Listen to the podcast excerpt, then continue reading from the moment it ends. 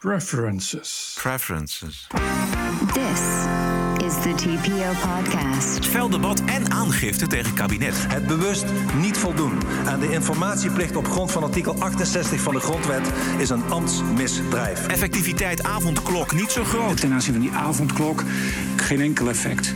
En Amerikaanse politie is er nog steeds om slaven te The vangen. whole reason we have police departments in the first place, it stems from people in the South wanting to capture runaway slaves. Aflevering 248. Ranting and Reason. Bert Bresson, Roderick Phalo. This is the award winning TPO podcast. Op vrijdagochtend 30 april. Is het 30 april alweer? Ja, weet je, weet je nog wat je deed vroeger op 30 april? Dat was de grote feestdag. Ja, dat was het Koninginnedag. Ja, Koninginnedag, maar dat was in de tijd dat je nog vrij buiten kon lopen... zonder in een superspread event te belanden. Ja, zo. precies, dat is nog- ik- is lang, lang, lang, lang Ja. geleden. Echt een Ja. goede oude tijd. Ja. Dat, was, eh, ik, dat, was, dat was er nog een, een aardige mevrouw. Die stond ook op mijn postzegel. Die, eh, en op de gulden, ken je de gulden nog? Daar stond die mevrouw dan ook op. Eh, en die was dan jarig. ja, tijden veranderen. Bert. Gisteren, wat een debat weer. Het was weer echt toch wel weer hard over de notulen van de ministerraad... waar gesproken is over vervelende, lastige volksvertegenwoordigers. Wilders heeft aangifte gedaan tegen overtreding van de wettelijke plicht van het kabinet... om volksvertegenwoordiging volledig te informeren. Aangifte. Eindelijk, voorzitter, stemt de hele ministerraad ermee in. En dat is strafbaar.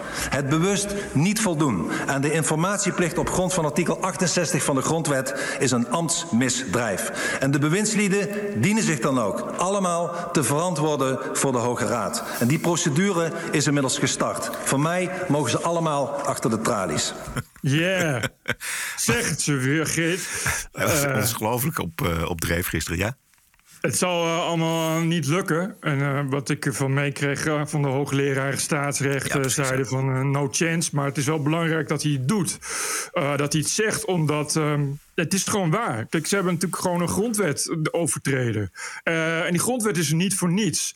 Eh, en je, we zijn nu op het punt dat je je dus moet gaan afvragen... wat, wat gebeurt er eigenlijk als blijkt, als het echt zo is... dat eh, eh, eh, regeringsleden, kabinetsleden de grondwet overtreden. Ja. Ja. Naar welke rechten ga je dan? Wat, wat kan de burger dan eigenlijk doen? Ja, exact. Plus dat het goed is dat hij eventjes de angst aanwakkert. eh, ook voor volgende kabinetten. Dat ze eh, het, eh, vergeten zijn, eh, die informatieplicht richting de Tweede Kamer. Maar dat is essentieel. Tweede Kamer is Precies. ons hoogste goed in de democratie. En als daar op die manier met een wat voor regering dan ook mee wordt omgesprongen. zoals er de afgelopen jaren mee is of- omgesprongen. dan komen we alleen maar verder in de problemen. Dus wat dat betreft is het, denk ik, heel goed wat hij doet. Waar is die grondwet dan voor? Ja. Hoe werkt die dan? Want als je kennelijk dat kunt overtreden zonder dat daar enige sanctie over sta, eh, tegenover staat, weet je, dan is het ook wel een beetje hypocriet gehuil elke keer als, als, als de PVV dreigt te winnen, om dan, dan te roepen van ja, maar grondwet dit en dit. Want kennelijk kun je die gewoon moeiteloos dan overtreden. Ja. Weet je, wie, wie, wie waakt daarvoor? Dat hoort de Tweede Kamer te zijn, volgens mij. Ja, exact. Dus eh, dit kabinet mag er niet mee wegkomen, maar alle volgende kabinetten mogen er ook niet mee wegkomen. Dat is het belangrijke signaal volgens mij Juist, dat juist. eh, eh, Wilders geeft. je kan die Kamer wel buiten proberen te sluiten. Dat betekent niet dat we er niet zijn. We gaan er alles aan doen. En dat is Schit Wilders. Daarom doet hij aangifte. Die weet natuurlijk ook wel. Het heeft zoveel haken en ogen. En de kans dat Rutte achter de tralies komt eh, voor dit is natuurlijk nul. Dat snapt hij ook wel. Maar dat gaat niet om. Het gaat er wel om dat je laat zien als Kamerlid. Dat je als Tweede Kamer laat zien. wij- Wij zijn de enigen die dat proces kunnen en ook moeten bewaken. En dat is wat hij dan goed doet. Exact. Het leuke van het debat gisteren was natuurlijk dat er eindelijk gesproken werd over de notulen Azarkan en Hoekstra over het sensibiliseren van omzicht. Ja, voorzitter. Dus we hebben hier te maken met een 24 karaats eh, Kamerlid. Een van de beste Kamerleden. We hebben hier te maken met een ervaren Kamerlid. Heeft al, eh, zit al lang in de Kamer. En, en desondanks was het nodig om hem op dat punt, op die onderdelen... door zowel Hugo de Jonge als de heer Hoekstra... nog even wat verstand en wat andere inzichten mee te delen. Vat ik dat goed samen? Er is op geen enkele manier druk uitgeoefend. Eh, niet door mij, niet door de jongen, niet door anderen. Van joh, kan het even allemaal rustig aan. Dat is belangrijk om te markeren, want dat is wel, dat, die suggestie is ook wel gewekt. Dat weten we dus niet. Dat we, we zijn niet bij die gesprekken geweest. Nee. En daar zijn geen notulen van, maar sensibiliseren en dat omzicht een probleem was. En is misschien nog wel, dat is wel duidelijk. Dus er wordt, eh, als je twee mensen van je eigen partij, twee leidinggevende figuren, aan je bureau krijgt, of thuis misschien wel, dan weet je wel hoe die gesprekken gegaan zijn, volgens mij. Ja, en ik snap ook niet dat ze nu eh, dat de hele tijd zo ontkennen. Nee, ik vind het ook een beetje bizar. Er staat, het staat, wat, wat heb je nu nog te ontkennen? Het staat letterlijk in die notulen. Jawel, maar de, vraag is: wat was het sensibiliseren? Is dat zeggen van eh omzicht, eh, we gaan het nog eens een keer uitleggen aan je dit en dat, zus en zo? Of zit er dan ook echt collegiale druk achter? Dat, ja, daar, bij die gesprekken zijn we natuurlijk niet geweest en daar zijn Nee. ook gewoon notulen van. Dus dat weten we niet. En dan hadden we ook nog binnen de VVD lastige Kamerleden, zoals Helma Lodders uit Zeewolde. Tegen Omroep Flevoland zegt ze het volgende. In de notulen word ik getypeerd, en daar herken ik mezelf niet in, als iemand die lastig is. Ja. En wacht even, ik moet even voor doorlezen. Als, als volksvertegenwoordiger kom je op voor de mensen in het land. Dat betekent dat ik op zoek ging naar antwoorden op vragen. Als ze dat activistisch vinden, ik vind dat het kabinet die antwoorden moet geven. En dan zegt ze verder dat Lodders uit de politiek is gegaan dat het haar eigen keus was. Maar ja, volgens Geert Wilders moest Lodders wel weg omdat ze lastig was. Een kritisch Kamerlid van zijn eigen partij het zwijgen heeft opgelegd door haar, zo lezen we in de notulen, en ik citeer, op het belang van de eenheid binnen de coalitie te wijzen. Waarschijnlijk vond ze een afgehakt paardenhoofd in haar bed, want op de lijst van de VVD kwam ze daarna niet meer voor. Ja, precies. Ja. Nee, ja, maar dat is toch zo? Ze is toch ook weg, of niet? Ze is weg, maar ze zegt dus Nou. zelf tegen Omroep Flevoland... eh, dat was mijn eigen keus. Maar ja, je weet nooit wat daar aan ten grondslag heeft gelegen aan die eigen keus. Ik zit in de Kamer om kritisch te zijn, maar ik moet de hele tijd de partijlijn vasthouden. Of Precies. de coalitielijn. Juist. Nou, dan Ja. snap ik wel dat je je eigen keuze eh, eh, hebt om te en zegt van oké, dan niet. Ja, ik wil antwoorden op zaken, maar ik mag niet vragen naar de antwoorden. Ehm, wat ook leuk was, vond ik, was D66. Hoewel wij natuurlijk in de notulen lezen dat Kaag zo'n beetje de minst erge is wat betreft Precies. eh, dat zij zegt van nou, ik vind het eigenlijk wel goed wat die Kamer doet. Maar ja, we hebben ook nog andere mensen van D66. Zoals Koolmees. Rob Jetten. Zoals Rob Jetten en Koolmees, die dan... Koolmees. Ach, Die eh, meteen de dag daarna, eh, dezelfde avond nog in een NPO-televisieprogramma ging zitten. om te vertellen dat hij eigenlijk best wel gekwetst was. Ja. Op al die kritieken. Dat hij helemaal geen verkeerde dingen had gezegd. Dat het juist allemaal goed bedoeld was. En dat hij zich daar totaal niet in herkent. Maar dat het hem wel echt, echt stevig heeft aangepakt. Dat mensen zo negatief over Koolmees doen. Ja. Al dus Koolmees over Koolmees. En wat ik zo mooi vind, Bert, is dat je toch ziet dat dit gewoon ook weer gewoon keiharde, cynische machtspolitici zijn. Weet je, die dan Juist. eh, eh, nog een half jaar geleden heel erg met een vroom gezicht eh, allerlei morele standpunten over het vloedlicht uh, probeerden te brengen. Maar uiteindelijk blijken het gewoon echte, cynische, harde politici te zijn. Ook zo'n koolmees van D66. Ja, maar dat is dus ook het punt van, van die notulen. Dat alles wat je erin leest, is maar één ding. En dat is gericht op hoe redden wij ons gezicht. ja. Hoe redden wij onze partij? Hoe redden wij onze persoon? Hoe redden wij onze carrière? En 0,0, niet, niet, niet, niet één seconde, is het ook maar gegaan over, over die meer dan 30.000 slachtoffers van de Belastingdienst. Gewoon nul. Helemaal waar. Eh, misschien een beetje veel Wilders, maar hij bracht het gisteren heel goed onder woorden. D66-staatssecretaris Snel sommeert coalitiewoordvoerders hun mond te houden. Minister Koolmees blijkt een heel eng mannetje te zijn... die activistische Kamerleden op het matje wil roepen om ze te laten zwijgen. Minister Ollongren wil dat kritische Kamerleden zich terughoudender opstellen... en zich dus meer als marionetten gaan gedragen. En mevrouw Kaag, die had beter in Niger kunnen blijven... want ze blijkt de parlementsleden te willen inkaderen. Alsof de grondwet niet bestaat. Hup, Geert. Ik kreeg mee dat Rob Jetten vooral eh, toch maar weer eh, de partijlijn erin ging fietsen. Eh, en, en D66 eh, aan het verdedigen was. Ja, ja. Voor hem ja, geldt hetzelfde als voor Koolmees. Denk ik. Allebei, ja, uiteindelijk gaat het om de rijen gesloten te houden en het partijbelang boven alles te stellen. Zoiets. Kennelijk, ja. Ja. Nog wel een grappig moment was natuurlijk dat K ging uitleggen wat zij precies bedoelde met uh, de gescheiden wegen. VVD en D66 die weten gewoon dat ze met elkaar verder moeten in een volgend kabinet. Ik praat misschien soms in een uh, niet binnenhofs Nederlands. Als ik zeg hier scheiden onze wegen, dan our ways part here. Wij scheiden, hier scheiden de wegen. Dat wil niet zeggen dat ik voor eeuwig afstand neem van alles en iedereen.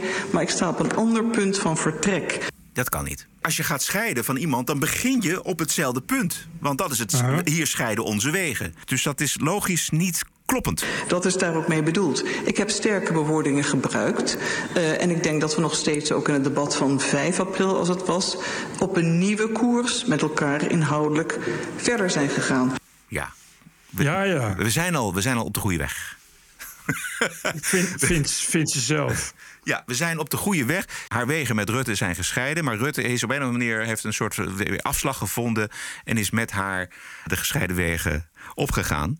Precies. De, de paden en de lanen. En uh, het komt allemaal goed. Vindt ze zelf. Denkt ze zelf, ja. Precies, denkt denkt ze. Ja. ja, nou leuk, leuk Sigrid Kaag. Heel goed. Ik kan hopen dan dat iedereen binnen de gestelde kaders blijft, hè? Inmiddels is er crisis bij de Belastingdienst, las ik. Uh, ja, dat was ik ook. De ambtenaren die de compensatie aan de gedupeerde ouders moeten uitbetalen, totaal opgebrand zijn. Bericht van Jan Klein Nijenhuis in uh, Trouw. Het kabinet heeft eind vorig jaar vastgelegd om gedupeerde ouders voor 1 mei alvast 30.000 euro te betalen. De afgelopen maanden heeft vrijwel al het werk stilgelegen om dit op tijd te halen. Inmiddels is duidelijk dat bijna de helft van de 24.000 gedupeerden daarover volgens de Belastingdienst vooralsnog geen recht op heeft. Dus dat is ook nog weer een uitzoekerij. En ook ouders die eerder te horen kregen dat zij in aanmerking zouden komen, worden nu afgewezen. Het is één grote ellende. Je ziet dus dat die werkdruk zo groot is dat heel veel van die ambtenaren gewoon weggaan. Uh, ja. de boel laten liggen. En dat zijn met name de ambtenaren die dus direct contact hebben met de gedupeerden. En het is zelfs zo dat andere dienstonderdelen van de Belastingdienst uh, inmiddels huiverig zijn om personeel uit te lenen, omdat die mensen opgebrand raken en opgebrand terugkeren. Dit is precies wat je kon verwachten. Als er iets niet goed georganiseerd is, dan raken mensen dat. totale stress. Dat. Ja. Je, weet dus, je weet dat het een puinhoop is. En je weet dat het niet goed georganiseerd is. Dus je kan natuurlijk verwachten dat er bij dit soort extreme crisis... dat het dan ook niet goed georganiseerd is. En dat de extreme crisis gewoon nog een extremere crisis wordt. En nu heb je dus nog steeds 35.000 mensen... die nog steeds niks hebben gehoord...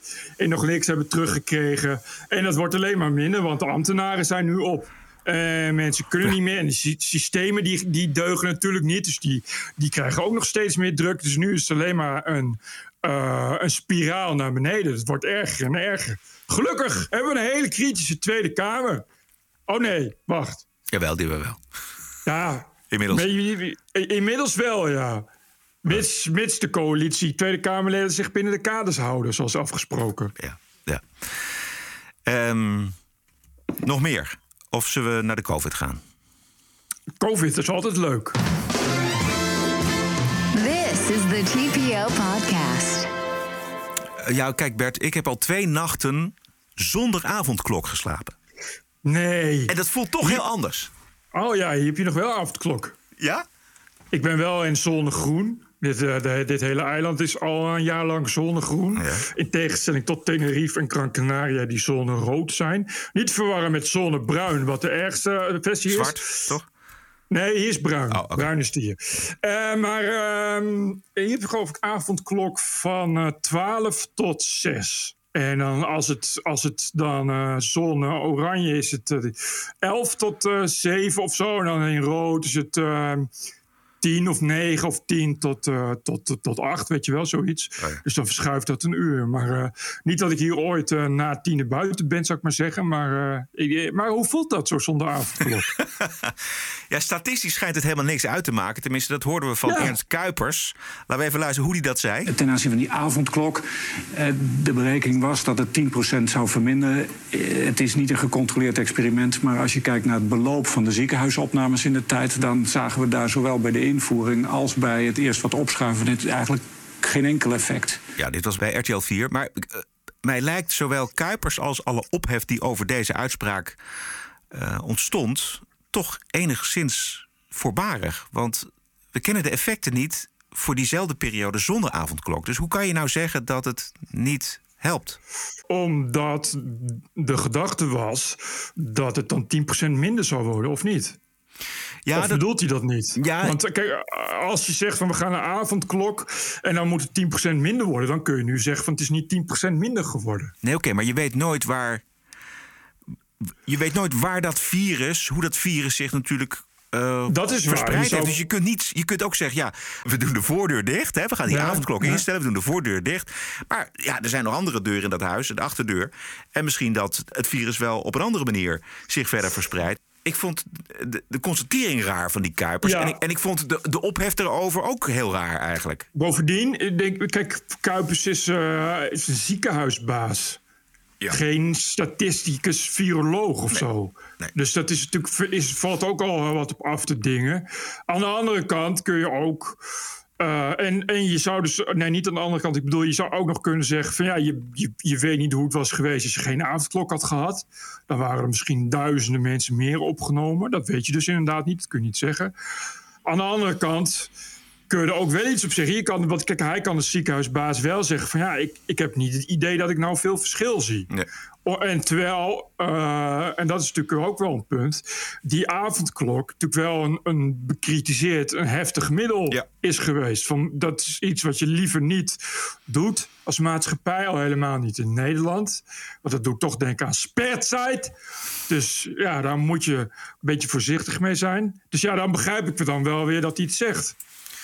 Ja, ik begrijp het ook wel, maar hij zegt dus het, het, het effect is nul. Ja, dat kun je volgens mij niet zeggen. Maar je kunt wel zeggen van voor wat we verwachten hadden, vinden we het eigenlijk te weinig opleveren.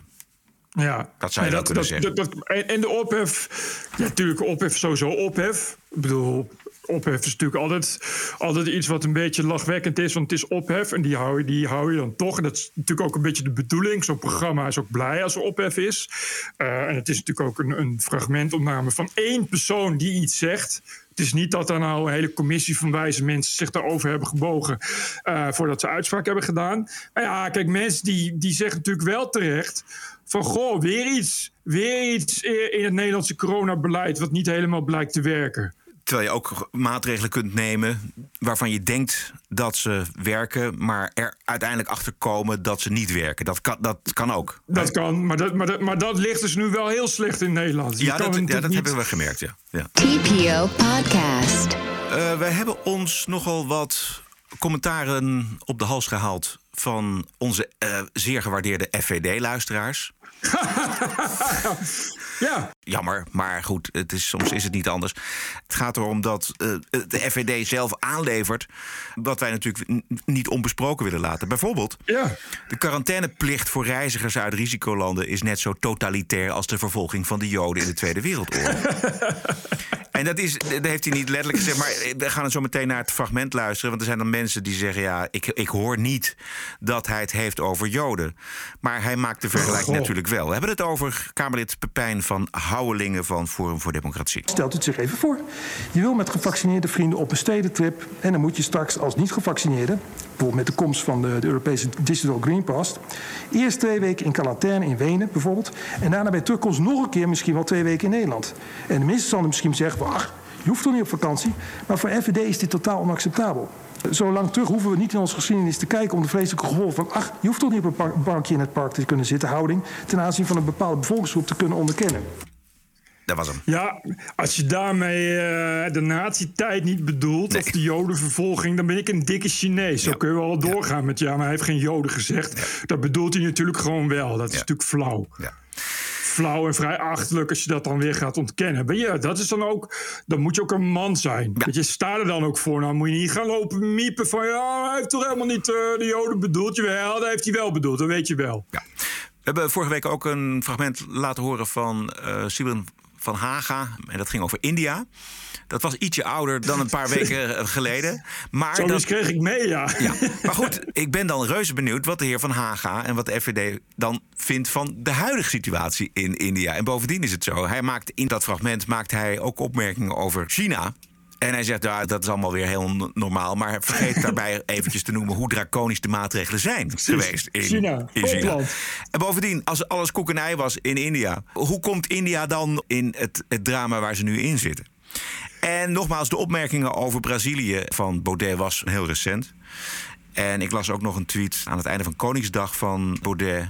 Dat hij trots is op iedereen die vandaag heeft staan feesten. Ik ga niet, ik weet niet, jij, misschien probeer jij met dit soort dingen nog je iets te verdedigen tegen, tegen de aanval van al die FVD-wappies. En dat, dat doe ik helemaal niet. Ik heb de vorige keer ook al gezegd dat ik het totale gek vind, die Baudet.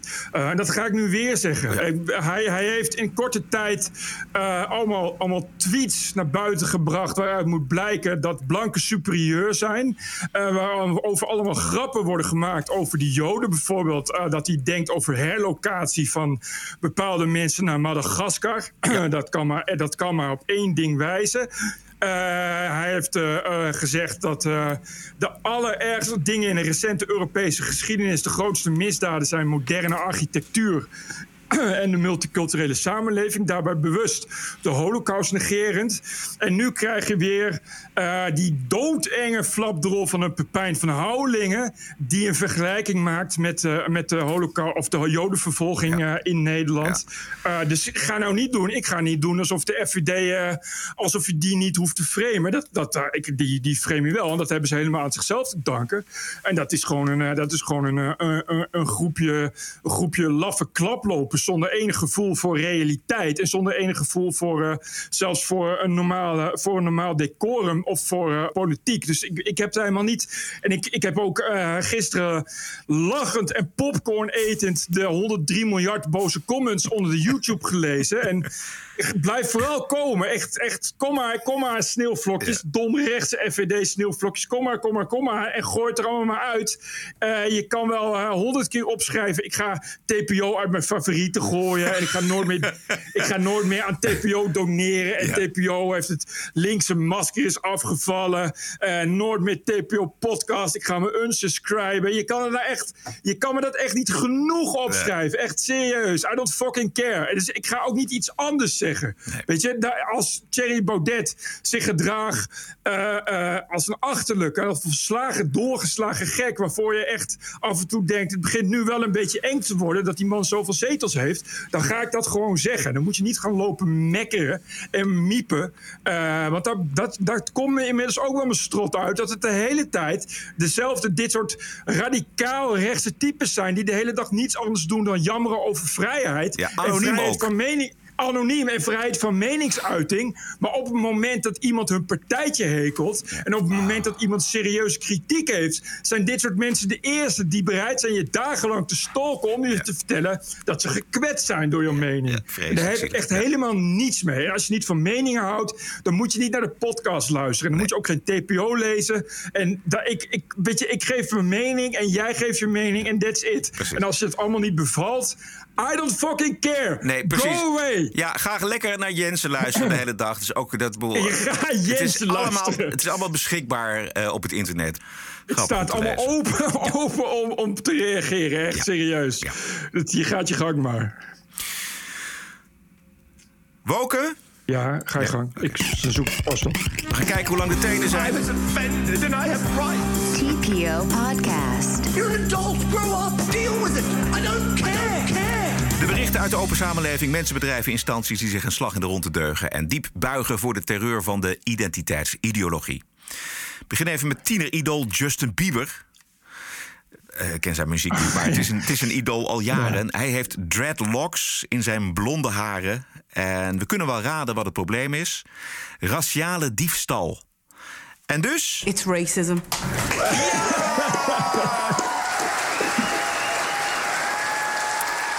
Het is al de tweede keer dat hij wordt aangesproken op zijn dreadlocks, deze Justin Bieber.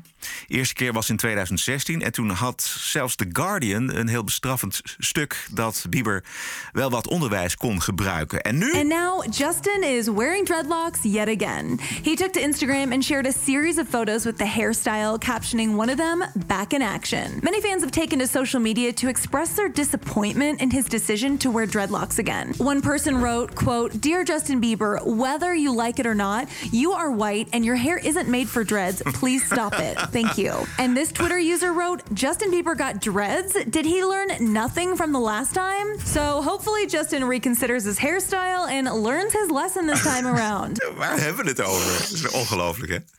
Nou, ik weet dat uh, sommige BN'ers die uh, reconsideren de, de hairstyle onmiddellijk als Ja. er uh, wordt geklaagd. Ja. Dus nou, ik ben benieuwd of Justin Bieber dat doet. Maar echt dreadlocks, dat is weer wat. Dat is volgens mij al honderd jaar is er geen, geen linkse kraker die, die geen dreadlocks draagt. En die zijn allemaal zo blank als het achterste van een paard. En nu ineens is dreadlocks ook alweer cultural appropriation. Ja. Het zegt iets over hoe totalitair die hele woke-gedachte is. Omdat ze zelf dus willen ingrijpen op hoe je je haar hebt, wat je zegt, wat je draagt, uh, wie je Je- vrienden je zijn. haar ook. Je haren, iets, iets heel eigens. Daar gaan dus andere mensen blijkbaar over. Die zin ook, hè? I, I hope you reconsider your hairstyle. Ja. Dat, je, echt naar de kapper gaat. Dat je, van iemand, eh, iemand, dat je tegen iemand zegt: Kijk, nieuw kapsel, vind je het leuk? En dat iemand zegt: eh, Nee, ik hoop, ik hoop, ik ben gekwetst. Ik hoop dat je toch eh, overweegt om het nu weer anders te doen. Ja, maar dat, dat- dat, is, dat verzin je toch niet? Nee, nee. In Nederland hebben we toch die, die, die Soapie gehad. Ja, Ik weet niet hoe heet ze. Victoria Koblenko. Oh ja, Victoria Compleco, ja. En dat was ook een soort dreadlocks, de cornrow-style. En het was ook alleen voor, eh voor kroeshaar. Dus dan is het ook kwetsend als, als een blanke dat doet. En die zei meteen, sorry, ik ga het nooit meer doen. Dus ja, Ja. misschien dat Justin Bieber nu ook wel eh, op de knietjes gaat... door het aanhoudende gedram. Ehm, Ik heb nog wat. ja, vertel. Iemand mailde hem eigenlijk alleen met de uitspraak... lees ik dit nu goed? Met zes vraagtekens en een linkje naar een Twitterfeed. En dat is de Twitterfeed van de City of Hamilton. En Hamilton ligt in eh, Ontario, in Canada...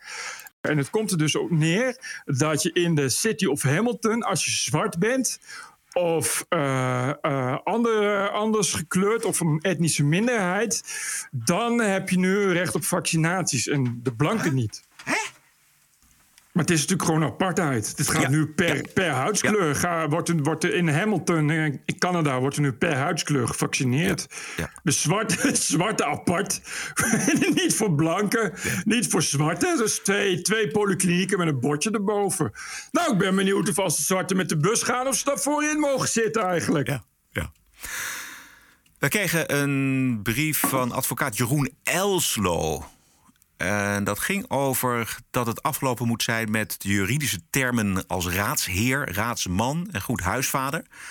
Dat was namelijk een opiniestuk van André Verburg, werkzaam bij de Raad van State, nota bene, en zeven andere juristen in het platform voor juristen MR, meester. Ehm, En de de advocaat Elslo die schreef... voor abortuswetgeving en familierecht is gender onontkoombaar. In alle andere gevallen in ieder geval functioneel. In de rechtspraak zijn begrippen als goed huisvader... al decennia lang in abstracte vorm gedefinieerd in vele uitspraken. Jurisprudentie moet dan maar overboord... omdat de waan van de dag genderneutraal is. Ja, ja, dat hebben we vorige keer ook gezegd. In België is dat ook al zo. Dat je dus Ja. inderdaad... goede huisvader mag niet. Nee, Het is kwetsend. Ik kreeg opgestuurd een online les waarin we zien en horen hoe een lerares een leerling intimideert over het standpunt zijn politieagenten helden of juist niet. Oh. De student is een jongen, die heeft zelf familieleden die werken bij de politie. En het gaat om het Cypress College in California. Luister. Right. So uh, you brought up the police in your speech a few times. Um, so what is your like? What is your main concern? It, it is systemic. The issue is systemic because the whole reason we have police departments in the first place. Where did it stem from? What's our history? Going back to what Jeremy was talking about. What where was? What does it stem from? It stems from people in the South wanting to capture runaway slaves. Kijk, dit is, dit is de lerares die zegt dus... we hebben politie, de politie is ingesteld om slaven te vangen. En Ja. met diezelfde politie zitten we nog steeds. Dit is de jongen. Uh, so I disagree with the what Jeremy, Jeremy said about it because uh, I think cops are heroes and they have to have a difficult job, but we have to have All of fine them? life. Oh, I, I'm not. I mean, I'd say uh, a good majority of them. You have bad people in every business and every Yeah, it's- part. Yeah, Well, wait, a wait, lot wait, of wait, police officers have committed atrocious crimes and have gotten away with it and have never been convicted of any of it. And, And I they, say this as a person who has family members who are police officers. yes, I, I, I understand. Um, and this is what I believe. This is my opinion. And this is, you know, not popular to say, but uh, I do support our police, and we have bad people, and the people that do bad things should be brought to justice. I agree with that. Okay, so what is your bottom line point? You're saying police officers should be revered, viewed as heroes. Dit is, fuck? Ja, jongen, dit is dus een lerares die gewoon de jongen zijn mening ontneemt, eigenlijk. Hè? waar is dit? Dit is in Californië op een, op een school. Oh, Californië, ja. Alsof de politie verder geen enkele functie heeft... anders dan achter zwart haren rennen. Ja, maar zij zegt ook eh, op een gegeven moment van... jij vindt dat politieagenten helden zijn... en jij bent iemand die familieleden bij de politie hebben. Alsof je dan Ja. geen recht van spreken hebt. Ja, dan, en, dan, dan moet je je ook nog schuldig voelen, volgens mij. Want je hebt zomaar mensen met familie die zitten bij de politie. Die racisten. Die slavendrijvers. Dit is toch, ja, maar dit is toch wel heel ernstig. Ja. Je, dit, dit, maar kennelijk, dit gebeurt dus op scholen. En dat is, dat is toch, toch, toch absurd. Dan zou je toch willen dat daar eh, iets tegen gebeurt? Of dat daar op zijn minst iemand iets van vindt? Dit kan je toch niet zomaar tolereren als, als onderwijs? Nee, nou gelukkig is het dit, juist dit filmpje... wat heel veel ophef heeft veroorzaakt eh, online in, in Amerika. En waar dus ook mensen die tegen de woke-beweging zijn... daar hier eh, schande van spreken. Dus het is, het is niet onopgemerkt gebleven. Nee, gelukkig Eh, gelukkig maar, ja. Maar dit toont ook wel aan hoe belangrijk het toch is dat mensen dingen opnemen. Ja. Eh, we hebben daar in Nederland een hoop gezeik over gehad. Weet je, van die meldpunten linkse indoctrinatie. Want dan krijg je dat mensen zeggen... ja, maar dan wordt dingen uit context gehaald... en dat is onveilig voor docenten. Maar ja, je merkt hier wat er dus gaande is. En wat je dus gewoon anders niet weet. Exact, een lerares, ook, ook die, gewoon niet... een lerares die een leerling intimideert op deze manier. Ja. Eh, wij zagen nog een eh, leuk interview in de Volkskrant met theatermaker Daria Bukovic. Aanleiding, zij wordt per 1 juni de nieuwe artistiek directeur van toneelgroep Oostpool uit Arnhem. En haar doel, ik wil dat wij het meest inclusieve gezelschap van Nederland worden. Ja. Oostpool maakt jong, actueel en maatschappelijk relevant theater, zeggen ze zelf. Die koers wil ik voortzetten, maar dan radicaler. En met alles wat ik aan ervaring meeneem als biculturele vrouwelijke theatermaker van een jonge generatie. En zelf vindt ze het ook heel belangrijk om een voorbeeld te kunnen zijn. Een nieuwe generatie vindt het straks normaal dat iemand met een migratieachtergrond zo'n positie kan bekleden. Dat geeft, denk ik, veel jonge mensen hoop. Daar is hij weer. Dat vinden wij allemaal in Nederland nogal totaal absurd. Dat iemand met een migratieachtergrond in een culturele sector of daarbuiten zo'n toko kan leiden. Want dat bestaat in Nederland namelijk nog helemaal niet. Nee, je krijgt wel, eh, dat is dan wel weer slim van haar. Dus ik ga nu wel sloten subsidie krijgen. Ja. Maar ik wil niet heel veel zeggen. eh, maar toneelgroep, theatergroep Oostpol uit Arnhem. eh, toneelgroep Oostpol is onlangs in opspraak gekomen vanwege een slepende MeToo-affaire. Dat was de artistiek leider. En die artistiek leider die heet Azini van zijn achternaam. Dus ik wil niet heel veel zeggen, maar eh, op zich was het al heel multicultureel bij theatergroep Oostpol. Maar dit ging even niet helemaal goed. Gelukkig is er nu een multiculturele vrouw, dus nu wordt het allemaal heel anders. Ja. Eh, Met die multiculturaliteit zat het wel goed bij theatergroep Oostpool. Uitstekend zelfs. Ja. Het ging zo goed dat er eh, hele intieme, hele intieme dingen gebeurden. Ja.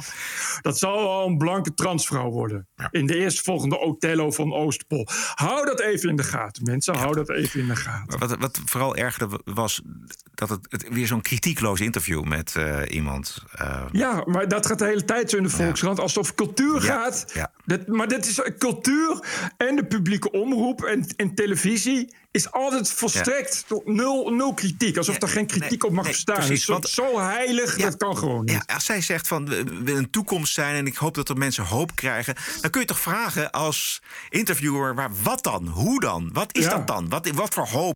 En hoezo ben jij anders dan een mannelijke theatermaker? En, en, en hoe precies maakt dat uit of jij zogenaamd bicultureel is? Wat is dat eigenlijk, bicultureel? Ja. En iemand die, als je, als je nou een Nederlands en een Zweeds paspoort hebt, ben je dan ook bicultureel? Eh, en hoe ziet het dan uit? Maar ook, eh, hebben we niet al gewoon heel veel en heel lang dit soort bicultureel gelul? Dus hoezo ben jij ineens zo vernieuwend? Dat zijn zomaar vragen die zomaar, ik kan ze ook stellen. Dus een serieuze volkskrantjournalist had ze ook kunnen stellen. Maar nee. Nee. Maar nee, helaas. Vreselijke. Weer niet. Vreselijke journalistiek. Laatste dingetje nog in de Wokweek. Ik las namelijk dat punklegende Johnny Rotten gehakt maakt van de Wokies. In een Yep. interview met de Sunday Times zegt de oud-frontman van de Sex Pistols... dat het allemaal vreselijke verwende kinderen zijn uit hoog, hogeschool en universiteiten. En die hebben stront in de hersenen. Vond ik ook wel een mooie eh, uitdrukking.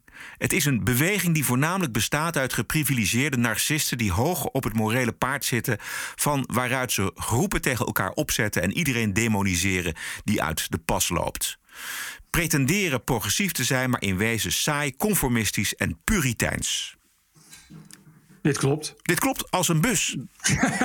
dus, uh, hier hoef je niks aan toe te voegen. Heel goed, Johnny Rotten. Dat hij nog leeft trouwens. Ja. Hoe oud is hij? Ja, in de 60. Zijn vrouw, waar hij al Oh, heel toch lang mee is, is eh, wel ernstig ziek, geloof ik. Ah. Eh, maar het is wel mooi dat juist deze man uit onze jeugd, zeg maar uit mijn jeugd, dat, hij, eh, ja, dat we hem wederom aan onze kant hebben. Ja, het is goed dat hij het doet. Elke, elke, elk icoon dat, dat zich terecht verweert tegen, tegen het wookgif is er één. Juist. Eh, en nou, gelukkig hebben we in Frankrijk ook de militairen aan onze kant staan. ja, het is, het is eh, ook fijn, eh, fijn om te weten. Zo'n Franse, zo'n Franse oud-generaal, dat zijn geen mietjes, begrijp je? Nee, nee. Dus dat is goed. Maar ik geloof dat het al flink... eh, ik las dat eerst waren het wat, eh, 20 oud-generaals, 20 bejaarde generaals en, en duizend strijders. Maar die duizend strijders, dus duizend militairen en, en, en ondergetekend, die, die lijst is al enorm gegroeid, las Ja, Maar het zijn nu ineens al, al, al 8000 medetekenaars. Ja. Maar ze hebben zich ook wel erg in de nesten getekend. Want eh, dit is natuurlijk niet eh, te tolereren door welke eh, overheid Nee, dat, en welke dat, wisten ze van tevoren natuurlijk. Ja. Ja, Maar ik ja. Even, nog even uitleggen aan de mensen die het niet gelezen hebben. Doe maar. Ja, er zijn inderdaad een groep oud-militairen. Maar het blijken dus ook militairen te zijn die nog steeds in actieve dienst zijn. Die hebben gezegd dat eh, Frankrijk afglijdt naar chaos. En dat komt onder andere door eh, de multiculturele samenleving, de macht van orthodoxe islam in Frankrijk, Isla- islamisme. islamisme. En dus specifiek genoemd eh, de antiracistische beweging. Ja, exact. Dus, dus de woke-beweging. Precies, en het gaat heel erg tegen dus die, die, die strikte scheiding in Frankrijk tussen kerk en staat. En eh, ja, de waarden van de republiek die onder druk komen te staan. Uiteindelijk leidt dit tot een burgeroorlog. Ehm, en ja, als militairen roepen dat iets tot een burgeroorlog leidt, dan is meestal de volgende stap dat ze dat willen voorkomen door zelf aan de macht te komen. En Precies. vandaar de op, ophef. Nou ja, kijk, de ophef is natuurlijk om. eh, de, kijk, in het leger, in het moderne Europa, word je eh, geacht je mening over politiek eh, de buiten te houden. En het leger moet neutraal zijn en moet gewoon de politiek dienen. Eh, en niet andersom. En dit is natuurlijk iets waar. eh, je, eh, eh, eh, het? Le Pen, Marine Le Pen ging er meteen mee vandoor. Dat past natuurlijk ook. eh, de, ik, heb, ik heb gevraagd aan Klaas Jager correspondent in Frankrijk voor onder andere Trouw en Financieel Dagblad eh, hoe het zit. En die zegt van nou, dit. eh, dit soort ideeën leven eh, zeer breed onder, onder, ja, onder het stevig rechtse gedeelte. Hè, dus, dus onder Le Pen-aanhangers. Daar, daarom gaat ze er ook mee door. Maar het is wel eh, voor Le Pen eh, misschien niet zo heel slim, omdat ze hiermee juist weer op het pad van haar vader terechtkomt. Wat ze natuurlijk had afgesloten, omdat dat haar vader, dat was een, eh, een, een notoire antisemiet. en toch een beetje een nogal Antidemocraat. fascist. Uh, en, en daardoor heeft het Front Nationaal veel moeite moeten doen om weer enigszins uh, mainstream genoeg te worden om voldoende mensen te kunnen, uh, kunnen werven. En nu lijkt ze dan toch weer een beetje dit pad op te buigen, omdat het natuurlijk zo antidemocratische seneet is. Ja. en, en er zitten ook onder de ondertekenaars, en zat er ook bijvoorbeeld een generaal die al lang geleden zijn uniform niet meer mag dragen, omdat hij destijds in Calais, toen kamp kamp Jungle nog bestond, dat vluchtelingenkamp, heeft hij meegedemonstreerd met een groep demonstranten ja, tegen multiculturele samenleving en, en tegen, uh, tegen vluchtelingen. Uh, daar is hij voor berispt en nu mag hij zijn uniform niet meer dragen. En dat dreigt nu te gebeuren voor een hoop van die mede-ondertekenaars. Dus ze zijn al een onderzoek begonnen. Uh, ze hebben al een hoop mensen getraceerd, waarvan een gedeelte inderdaad gewoon nog in actieve dienst is. En het lijkt erop dat. als, als het commandanten zijn, als het mensen zijn met een hoge rang, dat ze daar flink voor gestraft worden ook. Ja. En het is niet zo handig inderdaad van Marine Le Pen om dit te onderschrijven en uh, zich solidair te verklaren met deze petitie. Uh, nee, helemaal niet. Nee, ze graaft haar eigen graf op deze manier. En ze stond er juist zo goed voor in de peilingen. Ja, en het wordt nu voor Macron weer makkelijker om zich tegen ja, haar te verzetten. Exact. Uh, hij kan nu de gematigde rechtsstemmen weer binnenhalen. Ja. Dat hij kan zeggen: kijk, als dan Marine Le Pen ligt, dan zijn we uit een burgeroorlog. Uh, en uh, moet het leger maar de macht overnemen. Ja. Marine Le Pen is niet voor de oplossing, maar voor de strijd.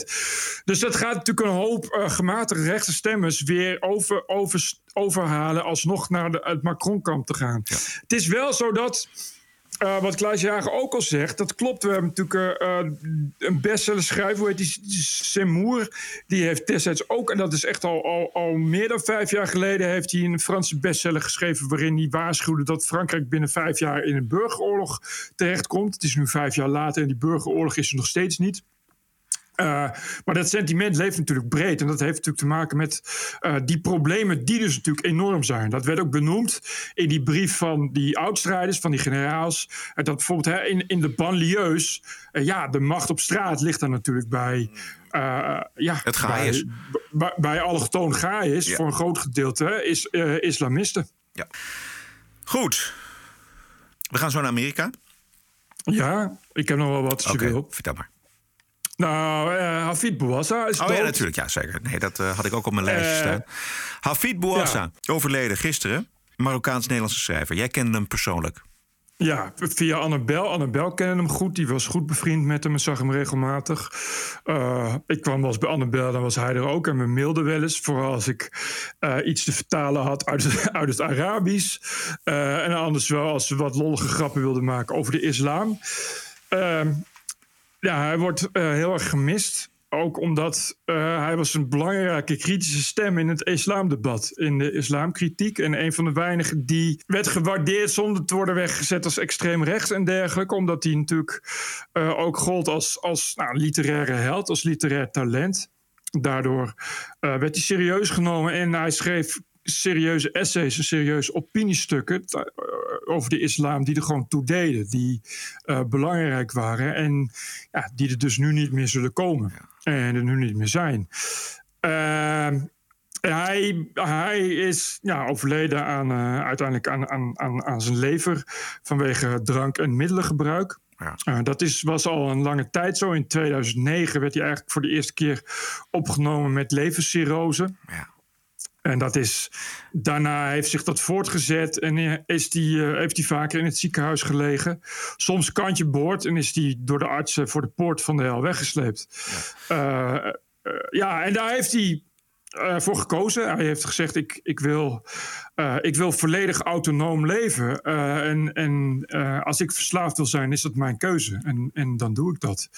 en hij heeft later toen hij uh, zo verslaafd was dat hij daar ernstig ziek door was, ook wel uh, gezegd dat nou ja, de dood was dan in elk geval ook wel welkom. Omdat hem dat in elk geval uit het leed zou halen van die de verslaving hem aandeed. Mm -hmm. Dus wat dat betreft was een ontsnapping, maar hij heeft wel nou, uh, daarvoor gekozen. Het was, was een volle bewuste keuze. En, en de drank, het leven in de roes beviel hem zo ja. goed dat hij daar geen afscheid van wilde nemen. Ja toen hij zijn eerste wijn dronk, toen was hij zo bang en voelde zich zo schuldig omdat hij bang was dat Allah hem zou komen halen. Omdat hij natuurlijk, hij is, hij radicaal conservatief islamitisch opgevoed. Hij is op zijn zevende naar Nederland gekomen. in, uh, in, in, een, in een streng islamitisch Marokkaans cultureel gezin. Toen hij zijn eerste wijn dronk, was hij zo bang dat hij naar de hel zou gaan en dat Allah hem direct zou komen halen. Uh, toen hij zijn fles wijn op had, uh, voelde hij zich heel goed en was die angst ineens weg. Bovendien, Allah kwam hem niet halen. Uh, en dat beviel hem zo goed dat hij daar nooit meer mee is gestopt. Uh, die vrijheid. En als hij niet dronk, dan was de angst er weer. En dat okay. islam heeft dus een bijzonder negatieve indruk op hem nagelaten. Ja, ja. Waardoor hij altijd heeft gezocht naar die vrijheid die hij die, die, die wilde hebben. Ik heb hem één keer uh, ontmoet in de Bali in Amsterdam, volgens mij. Ja. Dan zag ik wel dat hij heel erg omvangrijk en dik was en ongezond. Dat was uh, inderdaad van, vooral ook van de medicatie die hij gebruikte. Heeft, ja. Is hij de laatste jaren ook door de, uh, door de, door de problemen in, in zijn ingewanden... heeft hij ook een ontzettend bolle buik gekregen, inderdaad. Terwijl, want als je foto's ziet van zijn eerste, zijn eerste publicatie... een hele jonge jongen, hele knappe, slanke jongen. Uh, knap is hij eigenlijk altijd gebleven, ja, ja. maar inderdaad... in omvang nam hij flink toe, ja, dat klopt. Ja. Dan gaan wij zo meteen naar Amerika. Maar eerst eventjes uh, duidelijk maken dat wij niet van uh, de lucht leven, van de wind. Het is nu aflevering 248 en 250 is onderweg. Dat is dus volgende week vrijdag zijn we bezig met 250. Nou, als dat geen aardige geste is oh, voor een donatie, wat is het dan wel? Dit is de TPO-podcast. Een eigenzinnige kijk op het nieuws en de nieuwsmedia. Twee keer per week, elke dinsdag en elke vrijdag. 100% onafhankelijk. Want zonder reclame en zonder een cent subsidie. The award-winning TPO podcast. Wat is het jou waard? Een euro per aflevering? 104 euro per jaar? Of kies zelf een bedrag. Waardeer en doneer op tpo.nl slash podcast. De TPO-podcast. Wat is het je waard? Ga naar tpo.nl slash podcast. TPO Podcast. Ladies and gentlemen, the president-elect of the United States. This is CNN breaking news. We have never, ever, ever, ever failed in America. It's an incredible way of putting it. Telling the truth matters. It's an incredible way of putting it. This is a Russian intelligence disinformation campaign. Why isn't Joe Biden angrier about all of this? How stupid can you be? This is a classic example of the right wing media machine. It just lacks credibility. Go ahead. Joe Biden is 100 dagen president. En dat heeft al tot allerlei voorspelbare juichcommentaren geleid in de progressieve media. Ik wou net zeggen. Maar het meest interessante commentaar vind ik toch nog steeds. Uh, dat is een van de meest succesvolle campagneleiders van de Democraten ooit, James Carville. We hebben hem volgens mij vorige week eventjes genoemd. Ik heb uh, uh, nu dat hele interview met het online magazine Vox gelezen. Even ter opfrissing, dit is James Carville. Stay focused. Talk about things that matter to people. It's the economy, stupid, stupid, stupid. Ja, dit is uh, uit de trailer van die werkelijk schitterende documentaire The War Room. Over ja. de campagne van Bill Clinton, waar Carville leiding aan gaf. Dat was in 92. Ver weg, lang geleden, maar het is, het, het is een fantastische documentaire. James Carville kreeg tijdens de campagne van Clinton tegen Bush uh, een relatie met de campagnestratege van de overkant. Dus van George Bush, Mary Madeline. Er zijn twee prachtige boeken over geschreven over die relatie. Ja. Heel ander verhaal, maar um, even terug naar nu. James Carville, de diehard democraat, baalt van het wookgif... dat zich in Juist. die democratische partij heeft genesteld... en ook weer door die democratische partij wordt verspreid in de rest van Europa. Hij zegt de overwinning van Biden is nipt geweest en die is zo weer te verspelen. En dat gebeurt als democraten in de geest en het jargon blijven praten van de woke-beweging. Dat klopt. En hij zegt: Ik hoor mensen over gemeenschappen. De zwarte gemeenschap, de transgemeenschap, de Latino-gemeenschap. Alsof daar mensen wonen. Mensen wonen in dorpen en steden. Heel vaak naast elkaar. Precies. Ja. Welke gemeenschap is dat dan? Ja, precies. Ja. Weet je, ja, de, de, de LHBTQ-gemeenschap. Dat is ja. helemaal geen gemeenschap. Dat is, dat... Staat die ergens op de kaart? Of uh, ja. kun je die aanschrijven of zo? Al die verschillende identiteiten die, verschillen ook heel erg van elkaar. En die, zijn, die, die bestrijden elkaar ook heel vaak in die culture war. Verrassend dat dat op Fox stond. Fox is met VOX. precies. Dat is een um, journalistiek platform wat normaal vrij links is. Ja. Of, of links. Het is in elk geval, uh, laten we zeggen, links van het midden. Exact. Het, het grappige was dat ze... Progressieve media Juist. En ze wilden een soort van juichverhaal uh, van hem over de eerste honderd dagen van Joe Biden. Zo begint het interview ook echt. Maar dan zegt hij van, ik, wil, ik heb eigenlijk niet zoveel aan te merken op Biden... maar ik wil het hebben over de bedreigingen van de Democratische Partij. En dan, dan ontrolt zich een heel ander interview... dan de interviewer uh, in gedachten had. Dat is wel mooi. Ja, nee, ja, maar goed, ze hebben het toch geplaatst. Ja, zeker. Ik bedoel, ik bedoel, je had ook voor kunnen kiezen om het dan niet te plaatsen. Omdat je inderdaad, uh, je vraagt iemand van ik wil een interview doen over, over 100, jaar, 100 dagen Biden. En dan zegt iemand, ja, daar wil ik niet over hebben, maar over iets anders. Dan kun je natuurlijk zeggen, ja, oké, okay, dan niet. Maar uh, ja. dit, dat, dit zie je ze. En het was uh, een interessant verhaal. Het is interessant om te horen iemand die zo dicht bij het politieke speelveld zit. en, en toch veel heeft, heeft gedaan voor Clinton. Ja. Dus je kan hem ook niet meteen van republikeinse sympathieën uh, betichten. Nee. Uh, uh, toch dit soort dingen doorziet. En zegt van ja, want dat was een beetje zijn boodschap. Hè? niet alleen dat woke kut is, maar dat als, als de Democraten op deze manier doorgaan met woke, dat ze dan straks niks meer hebben. Dat dit, dit totaal geen goede strategie is nee. voor, voor Democraten. Nee, precies. Hij is, en hij heeft verstand van strategieën. Dat is natuurlijk het interessante daaraan. Ja, ja, en hij is echt een diehard democraat. Weet je, hij, is, hij is echt wel een, een, een, links, een linkse uh, man, maar een oud-linkse man. Ja, maar beslist geen Trump-stemmen, nee, weet je wel. Nee. Het is helemaal niet, uh, helemaal niet iemand die, uh, die, die uit, in de verdachte hoek zit. Nee, totaal niet. Dus daar, daar, daarom is het extra belangrijk wat hij zegt, denk ik ook. Dat, dat ze bij Fox hebben gedacht. Um, ja. En het is nou, een... ik, denk, ja? ik, kijk, dat is, ik denk dat ze bij Fox ook wel. Uh, kijk, dat woke, dat irriteert natuurlijk veel meer mensen. En ook uh, de mensen die daar op een intelligente manier in zitten. En ik denk dat voor veel Democraten daar ook niet zoveel mee hebben. En dat is precies wat hij aanhaalt. Van jij op deze manier. Is, is er straks ook niks meer. En dan kun je, niet, dan kun je nergens meer heen. Dan heeft, hebben Democraten geen enkel verhaal meer. Uh, ik denk dat bij Fox. Het dus links en progressief, maar niet per se woke. Nee. En, en woke is natuurlijk. Het is gewoon de hele tijd niks. Het, het kapt natuurlijk meteen gewoon alles af. En, en ja, dan begrijp ik wel dat ze daar wel blij mee zijn. Als zo'n strateeg dat dan ook eens een keer zegt. Ja, ja, ja. ja. Vraag is of er naar hem geluisterd wordt, want die woke-beweging is wel ongelooflijk krachtig, zeker in Amerika. Exact, exact. Maar goed, dan kunnen ze in ieder geval niet zeggen als de Democraten weer uh, moeten uh, plaatsmaken voor de Republikeinen, dat ze niet gewaarschuwd zijn. Nog één dingetje over Carville.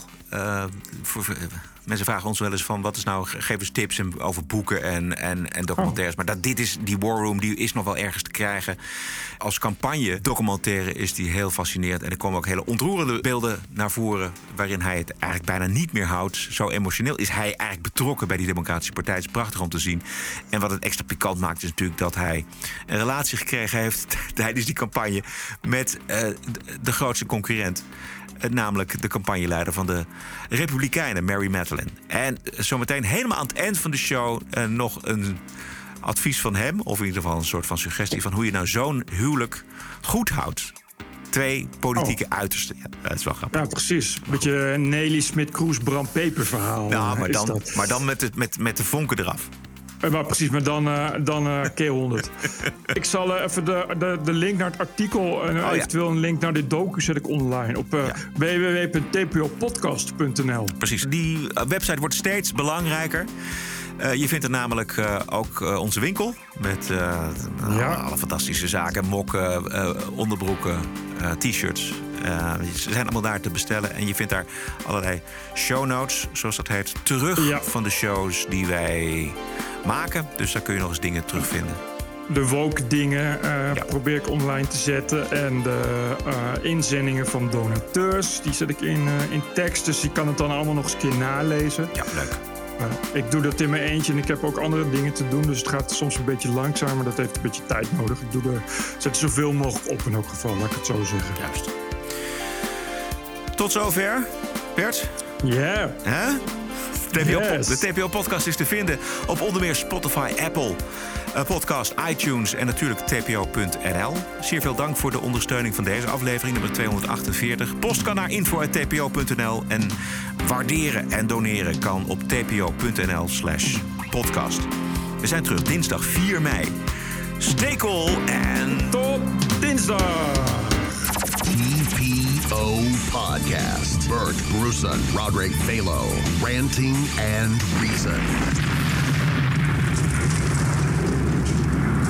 My advice is kick the can down the road. Don't confront shit. Don't tell people what you really think at a given time because you're going to be stuck with that statement.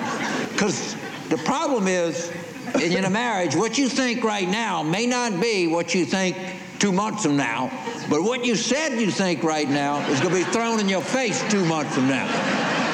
Podcasting is the TPO podcast in the Netherlands. Bert and Roderick. What a show. I'm telling you.